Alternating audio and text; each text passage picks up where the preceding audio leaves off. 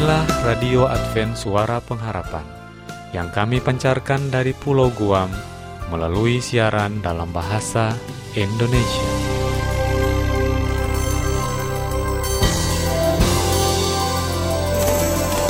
Salam sejahtera kami sampaikan kepada para pendengar kami di mana pun Anda berada.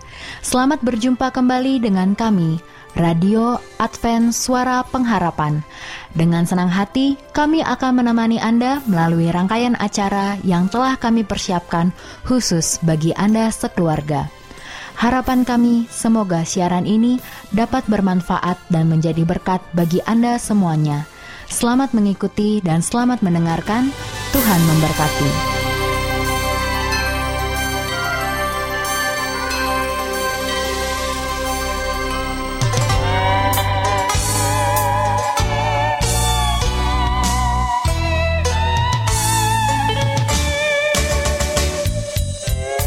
Kabar pendengar setia Radio Advent Suara Pengharapan?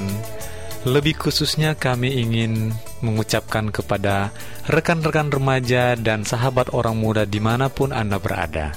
Ruang remaja dan orang muda kembali kami hadirkan untuk Anda saat ini.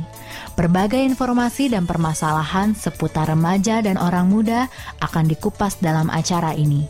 Tentunya, sebagai remaja dan sebagai orang muda banyak sekali perubahan dan tantangan yang harus kita sikapi bersama.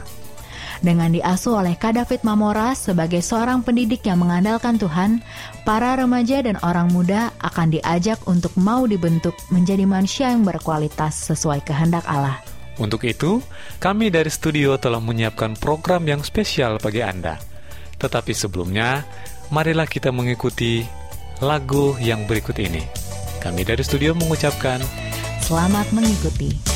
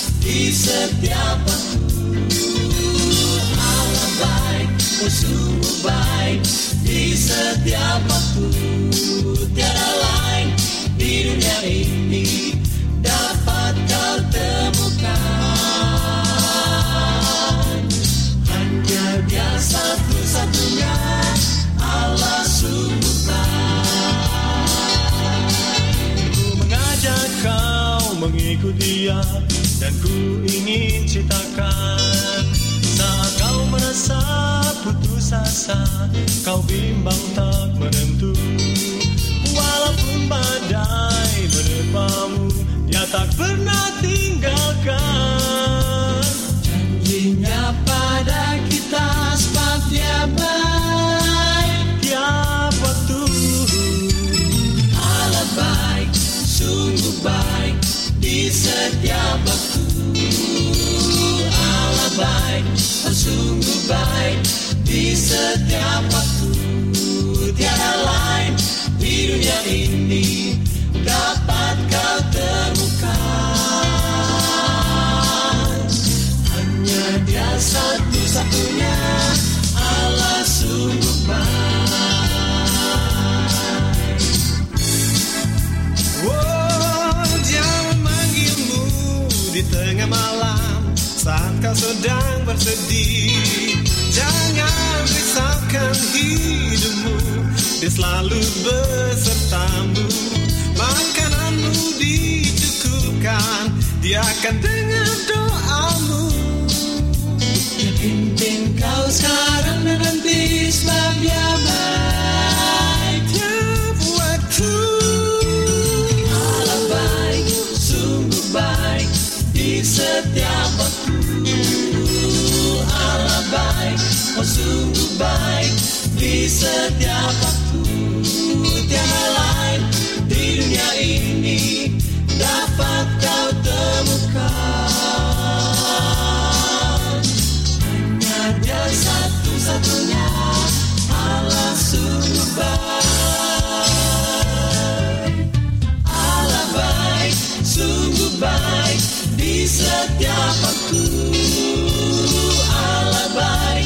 sungguh baik di setiap waktu. Tiada lain di dunia ini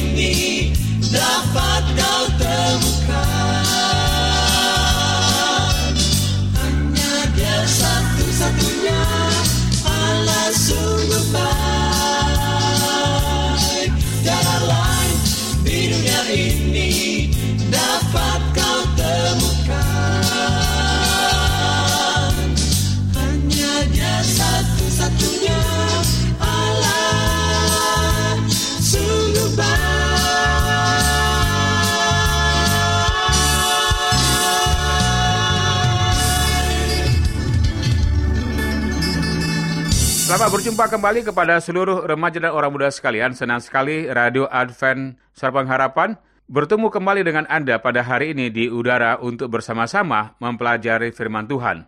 Apa kabar Anda semuanya?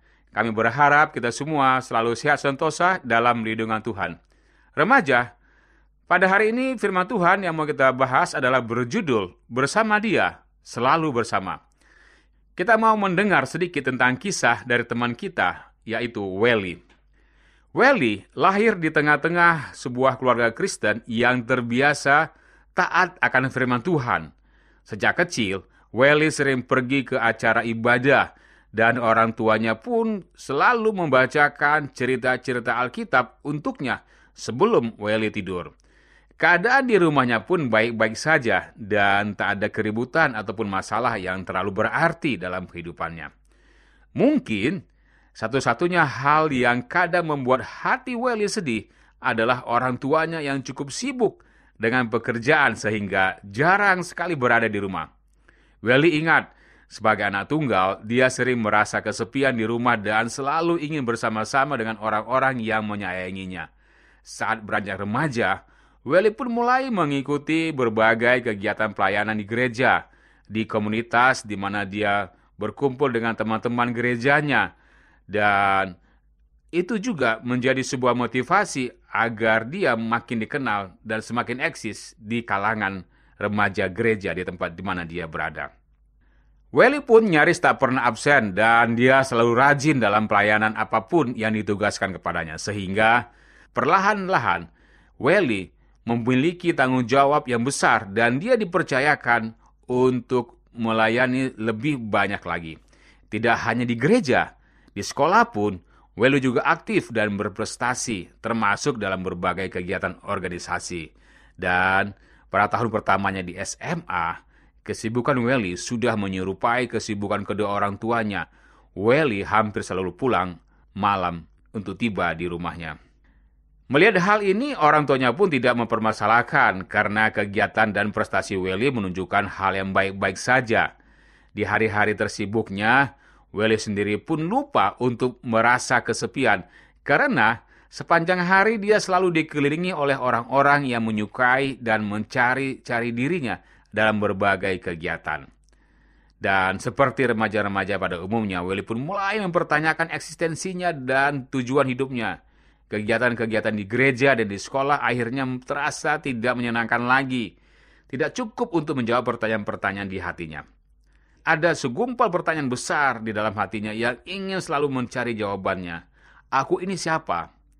Apa artinya diriku dan hidupku? Akan jadi orang dewasa yang bagaimanakah aku nanti? Adakah orang yang sungguh-sungguh menyayangiku dan selalu setia di sisiku? Itulah pertanyaan-pertanyaan yang selalu terngiang-ngiang di dalam pikirannya. Banyak sekali pertanyaannya, dan semuanya makin keras menggedor-gedor hati Welly ketika dia beristirahat malam setelah semua kegiatan berakhir. Dan pada suatu waktu, perkenalannya dengan sepupunya membawa Welly untuk mencoba mencari jawaban atas banyak pertanyaan tersebut dengan cara yang berbeda tentunya.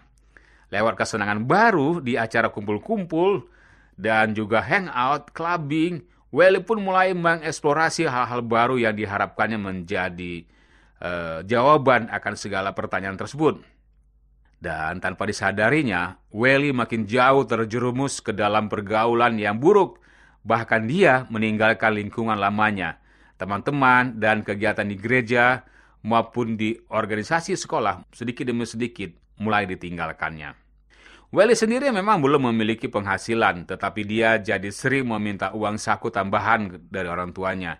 Dan saat itu orang tua Welly yang curiga dan kewalahan dengan permintaan-permintaan itu menyetop pemberian uang tambahan sehingga Welly pun mulai berhutang kepada beberapa teman-temannya.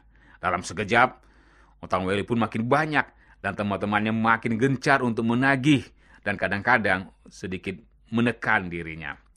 Bahkan pernah beberapa kali Welly mencuri barang-barang berharga seperti arloji milik papanya ataupun kalung milik mamanya. Semuanya itu adalah hanya untuk sekedar membayar hutang atau melunasi apa yang harus dia pertanggungjawabkan sebelumnya. Dan kebingungan mulai menghampiri dirinya dan dia mulai merasa hidupnya gagal total. Welly suatu hari kembali datang ke gereja setelah sekian lama kabur tentunya. Tanpa mengerti harus berekspresi apa, Welly diam-diam duduk di barisan belakang dan mendengarkan firman Tuhan yang dikhotbahkan di depan sana. Rupanya, setelah khotbah selesai, ada seorang pembina di gerejanya yang mendekatinya dan mendoakan dirinya. Di momen itulah, Welly mengalami Tuhan yang mengerti hatinya, yang tidak pernah berhenti menyayanginya dan selalu bersamanya. Perjumpaan pribadi untuk pertama kalinya dengan Tuhan itu membawa Welly menyerahkan dirinya untuk mengikuti dia. Tuhan dan Juru Selamat mengasihinya tanpa syarat. Dan singkat cerita, Sejak saat itu, hidup Welly perlahan diubahkan. Welly kembali ke pergaulan yang mendukung pertumbuhan rohaninya. Dan oleh kasih karunia Tuhan dan dengan dukungan teman-temannya di komunitas sel tersebut, Welly berhasil membereskan semua masalahnya satu demi satu.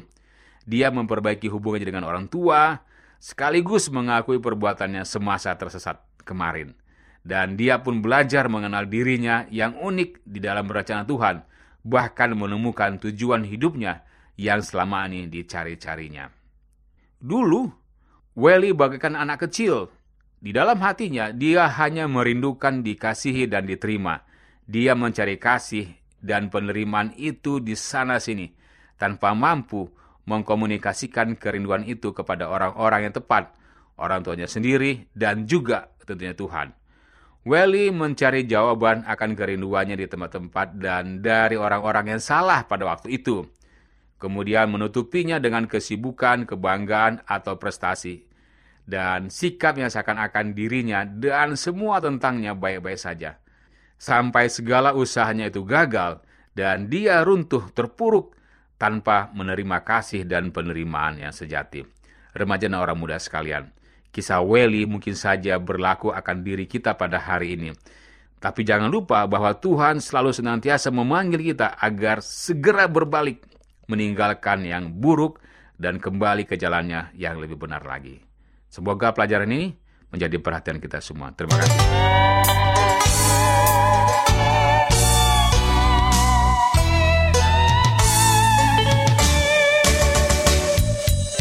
Terima kasih kepada rekan-rekan orang muda dan sahabat remaja di mana pun berada. Berakhirnya acara ini dapat menambah wawasan dan pengetahuan seputar masalah remaja. Kiranya bermanfaat untuk menolong generasi muda menjadi pribadi yang berkualitas sesuai kehendak Allah. Sampai jumpa pada kesempatan berikutnya. Kami dari studio mengucapkan semoga Tuhan memberkati kita semua. Pendengar yang dikasihi Tuhan, di tahun ke-35 pelayanan AWR Indonesia, kisah dan kesaksian pendengar terkait siaran dan pelayanan audio kami terus-menerus dikompilasi. Terima kasih banyak untuk yang sudah menyampaikan dan masih terbuka bagi Anda semua untuk segera SMS atau telepon ke nomor AWR di 0821 1061 1595 atau 0816 1188 302 untuk WhatsApp dan Telegram. Kami tunggu para pendengar dukungan Anda. Selanjutnya, marilah kita mengikuti mimbar suara pengharapan.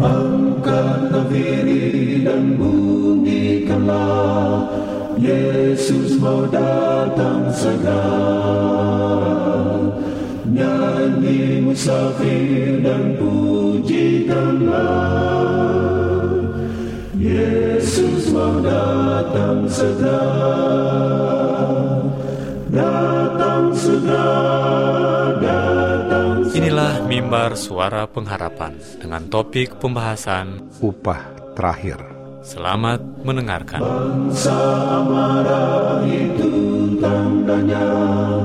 Yesus mau datang segera. Pengetahuan bertambah-tambah. Yesus mau datang segera. Datang segera Datang segera.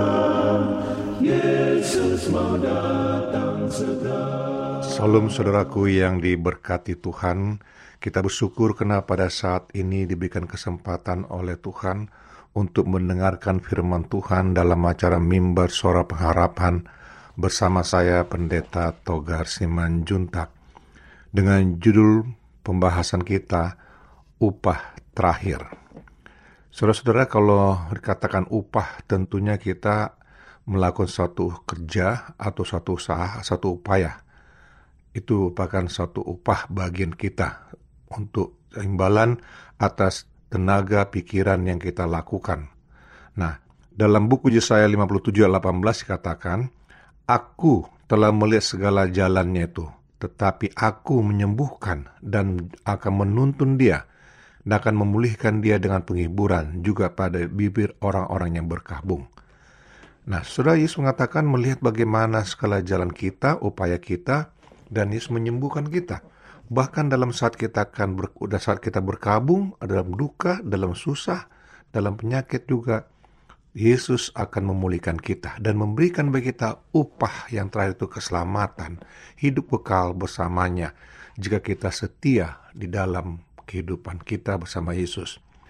Saudara-saudara, derita dan sukacita selalu bergandengan dalam hidup Yesus maupun hidup kita.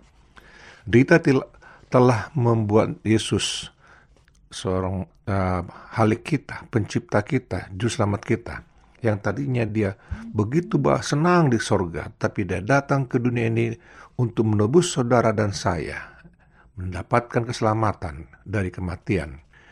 Di saat Yesus menikmati sukacita, pada saat dia memegang kekuasaan dan memberikan bagaimana kesengsaraan dia terima dan hukuman yang dalamnya kepada mereka diselamatkannya. Jika saudara melihat akan para pelari-pelari perlombaan dalam olimpiade, bagaimana mereka berlari mengalami hambatan ketika rasa sakit yang harus diatasi oleh sebagian orang terjadi. Jika mereka mau terus berlari daripada berhenti setengah jalan, mereka sangat membutuhkan semangat yang tinggi, usaha untuk bisa menggapai kemenangan. Jika saudara ingin tahu artinya bertahan dan berhasil, tanyakanlah bagaimana seorang pelari yang mempertahankan ritme usaha uh, larinya. Bahkan jika pun dirasa sakit, dia akan terus berjuang, terutama para pelari jarak jauh atau maraton. Dan dikatakan di saat mengakhiri pun ada satu pencapaian yang mereka akan senang menceritakannya kepada kita. Dan dia mendapatkan upah yaitu juara atau medali atau piala atau juga hadiah. Saudaraku dengan penuh perhatian kita merenungkan duka cita dan derita Tuhan Yesus kita itu. Apa pun penderitaanmu sekarang ini, jawabannya akan ditemukan dalam derita Yesus. Seberapa besar pun penderitaanmu, seberapa besar pun pencobaan menyerang kau, itu sudah dijawab oleh Yesus dalam kehidupannya bagaimana dia menghadapi penderitaan. Apabila saudara tergoda untuk meragukan rasa sakit dialami oleh orang tidak berdosa, ingatlah bahwa anak domba Tuhan yang tidak berdosa itu pun menderita juga. Jikalau Tuhan tidak menyayangkan Yesus, bagaimana mungkin ia akan menyayangi kita? Saudaraku, kasih sayang Tuhan kita, Bapa kita di sorga kepada Yesus Kristus, memberikan kita satu jaminan bahwa kita juga sangat disayangi dan rindu untuk diselamatkan. Penulis Ellen White mengendaki agar kita setiap hari merenungkan penutupan pelayanan Kristus karena segala tragedi dan kesukaran umat manusia tertimbun atas diri seorang. Dalam pengorbanan Yesus itulah, itulah ter, terhimpun kesalahan dan derita kita semua. Saudaraku, dalam Yesus Kristus ada satu buku dalam namanya Pilgrim's Progress. Termasuk Kristen terdiri dari segala lapisan masyarakat.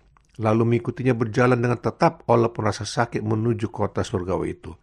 Mereka membentak, mencoba dan berusaha menyimpangkannya. Kadang-kadang teman-teman yang lain berjalan bersamanya, mereka mendukung dan menguatkan dia agar terus berjalan sampai ke tujuan. Jadi ibarat kita saudaraku, dalam hidup ini banyak teman-teman kita yang tidak suka dengan iman kita dan dia berusaha untuk menggoda kita, menghancurkan kita, saudaraku. Tapi jangan pernah takut, berjalan terus sampai ke tujuan karena masih ada juga teman-teman kita yang mensupport. Yang paling utama, Yesus mensupport kita. Sebagaimana pengalaman Yesus, dia menghadapi perlawanan, bantahan-bantahan dari orang-orang terdosa juga sesama manusia. Para bahkan para imam oleh Taurat, Parisi, Saduki, mereka banyak menentang akan Yesus Kristus dalam mempertahankan kebenaran dimiliki. Tetapi Yesus katanya terus dan akhirnya memperoleh kemenangan yang gemilang. Kita pun demikian bisa menang dari menghadapi pencobaan. Pada akhir perumpamaan janda dan hakim yang tidak itu, Yesus bertanya, akan tetapi jika manusia itu datang, apakah yang mendapati iman di bumi ini? Adakah saudara saya punya iman seperti janda tersebut punya kekuatan iman yang teguh, mempertahankan kebenarannya? Kita pun menghadapi pertanyaan yang seperti ini sekarang ini. Dan tiap hari, jika aku mengawali hari ini dengan menunjukkan imanku pada Yesus, apakah akan tetap mungkin demikian sampai akhir? Jika aku mengawalinya dengan iman, akan kusempurnakan juga dengan iman dan penurutanku. Sukacita Yesus itu bukan hanya memberikan khasiat pendamaiannya, melainkan untuk menyempurnakan iman kita dengan mengaruniakan kasih karunia kuasa yang perlu mengawali dan mengakhiri bersama-sama dengan dia. Saudara, sebagaimana dahulu Kristus kepada murid-muridnya demikian juga di lain diinginkannya menjadi kepada anak-anaknya pada zaman sekarang ini. Yesus memberikan saudara upah yang terakhir itu hidup kekal bahagia di surga bersama dia. Tanpa itu, saudaraku, maka saudara akan bisa hilang, ya, tergoda dengan godaan-godaan setan. Tetapi dalam upah yang diberikan sebagai upah yang terakhir, saudara bisa dapat itu dan perlihatkan pada teman-teman saudara, pada keluarga, pada anak-anak, supaya mereka bisa melihat bahwa saudara adalah seorang yang sangat setia, seorang yang jujur, seorang yang mau bekerja kepada Tuhan, walaupun mungkin tidak langsung sebagai seorang pendeta ataupun seorang uh, karyawan dalam organisasi, tetapi saudara bisa bekerja ya untuk menjadi anak-anak Tuhan yang setia dan saudara menjadi orang yang bisa diandalkan. Banyak teman saya kenal di mereka bukan sebagai pengerja Tuhan, bukan sebagai pendeta atau sebagai guru, atau yang orang tapi dia sanggup untuk menghidupkan kebenaran Tuhan dalam hidupnya. Nah, apa? Karena dia mengharapkan upah yang terakhir itu hidup kekal bersama di surga selamanya. Saudara, karena Tuhan selalu dikatakan sini memulihkan saudara dan saya dengan penghiburan juga bibir orang-orang terkabung juga mereka Tuhan berikanlah kesembuhan bagi mereka. Nah, saudara, ini yang perlu saudara pikirkan dalam hidup ini. Tidak ada yang perlu kita ragukan, ya, tidak ada yang perlu kita ragukan. Terimalah upah yang Yesus telah berikan bagi kita. Kiranya berkat Tuhan menyertai saudaraku, dan jika ada pertanyaan, hubungi kami tim pelayanan mimbar suara pengharapan. Salam saudaraku. Amin.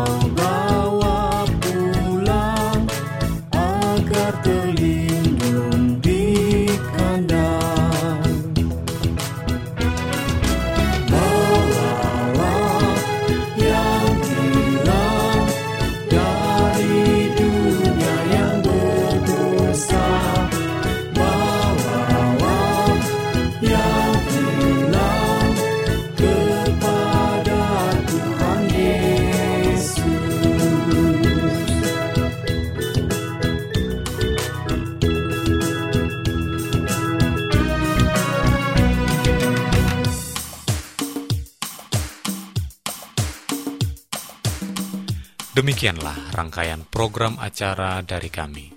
Apabila Anda mempunyai pertanyaan atau ingin mendapatkan seri pelajaran Alkitab Suara Nubuatan, Anda boleh menghubungi kami dengan mengirimkan surat ke Radio Advent Suara Pengharapan, PO Box 8090, Jakarta 12810, Indonesia. Telepon 0821 1061 1595. Alamat email awrindonesia@yahoo.co.id. Anda juga dapat bergabung di Facebook kami, pendengar radio Advent Suara Pengharapan, juga radio Advent Suara Pengharapan. Terima kasih kami ucapkan bagi Anda semua pendengar kami yang setia. Kita akan berjumpa kembali pada waktu dan gelombang yang sama esok hari. Salam kasih dan sejahtera. Tuhan memberkati.